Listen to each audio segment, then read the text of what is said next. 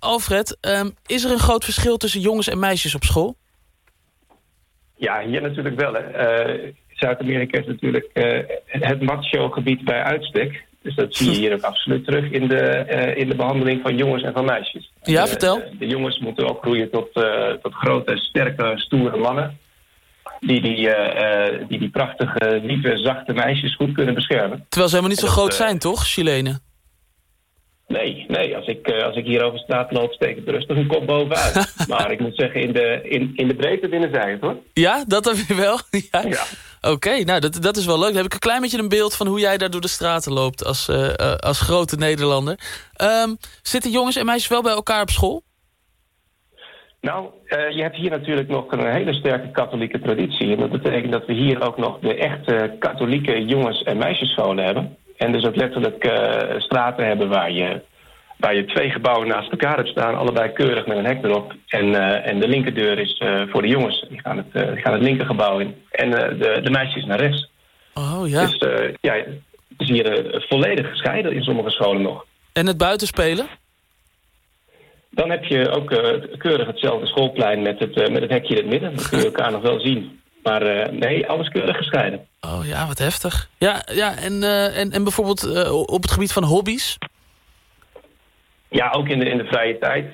daar zie je wel terug dat, dat, dat alles voor iedereen beschikbaar is. Ja. Maar dat dan toch wel de ouders een bepaald idee hebben van, van wat, een, wat een jongen zou moeten doen en wat een meisje zou moeten doen. Dus nou, om het voorzichtig te zeggen, jongens worden toch wel veel meer gestimuleerd om te gaan voetballen. En uh, meisjes wat uh, gestimuleerd om bijvoorbeeld koekjes te gaan bakken. Oh, ja. Dus dat zie je hier bij het prachtige uitzicht hier over het park. Dat, uh, ja, dat zie je terug. Er zijn daar voetbaltrainingen, die worden door de, door de gemeente georganiseerd. Dus die, die zijn voor iedereen open, zijn ook gratis toegankelijk. Maar de, de voetbalclubjes, daar zie je ook alleen maar jongetjes rondrennen. En dus ook kleine machootjes? Ja, ik moet wel zeggen, daar is een, een hele belangrijke uitzondering op. En dat is uh, als, als in een familie, hè, want hier uh, zijn families heel close. Ja. En het, uh, dit eerste kindje van een nieuwe generatie wat dan geboren wordt... en als het een jongetje is, die wordt dan hier de regalon genoemd. Nou, als je dat vrij vertaalt, het, het prinsje, de verwende... Oh, die, ja. heeft, uh, die heeft minstens drie moeders, zoveel vrouwen als er maar in de familie zijn. En Ja. uh, nou, die wordt ook uh, zo ontzettend beschermd. Dat, nou, die mag nog, nog net niet op zijn knie vallen en ze staan er al met z'n vier omheen. En dan zie je wel dat, nou, dan komt er van het macho zijn natuurlijk niet zo heel veel terecht. Met, met vier moeders die jou extreme moederen. Nee, dat wil je eigenlijk niet eens meer uit huis. Nee. Nee, is dat ook zo, dat ze dan lang thuis blijven wonen? Ja, je, je merkt hier wel dat de combinatie van, uh, van een vrij laag salarisniveau en een uh, vrij dure woningmarkt toch wel betekent dat, uh, dat Chilenen tot, nou, tot ver naar hun dertigste nog gewoon thuis kunnen wonen. En eigenlijk de enige reden om het huis te gaan zou zijn om, om samen te wonen. Ja. Dus dat, ja, dat, dat is natuurlijk ook wel een beetje een... ja, dat, dat helpt het probleem natuurlijk ook wel wat. Ja.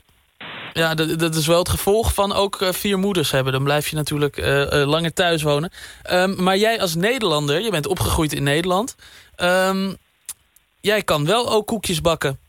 Hoe kijken ze daar te gaan? Ja, en ik, toen, toen ik hier net kwam, toen, ik ben getrouwd met een Chileense. En ik, ik hou ontzettend van koken. Ik kom ook nog eens uit een wat groter gezin. Dus het is voor mij ook niet zo heel moeilijk om voor een grotere groep te koken. En ik uh, heb op een gegeven moment ook de familie uitgenodigd en gezegd van nou dan ga ik gezellig koken voor jullie. Nou dat was toch wel even een, uh, een, een, een, schok. Dus mijn, uh, mijn, mijn schoonzusjes en mijn schoonmoeder hebben toch wel tenminste 20 minuten zo om de hoek van de deur staan kijken in de keuken om te zien dat, Gaat dat die jongen goed? echt gewoon een maaltijd kan voorzetten. Ja. ja, en is het gelukt?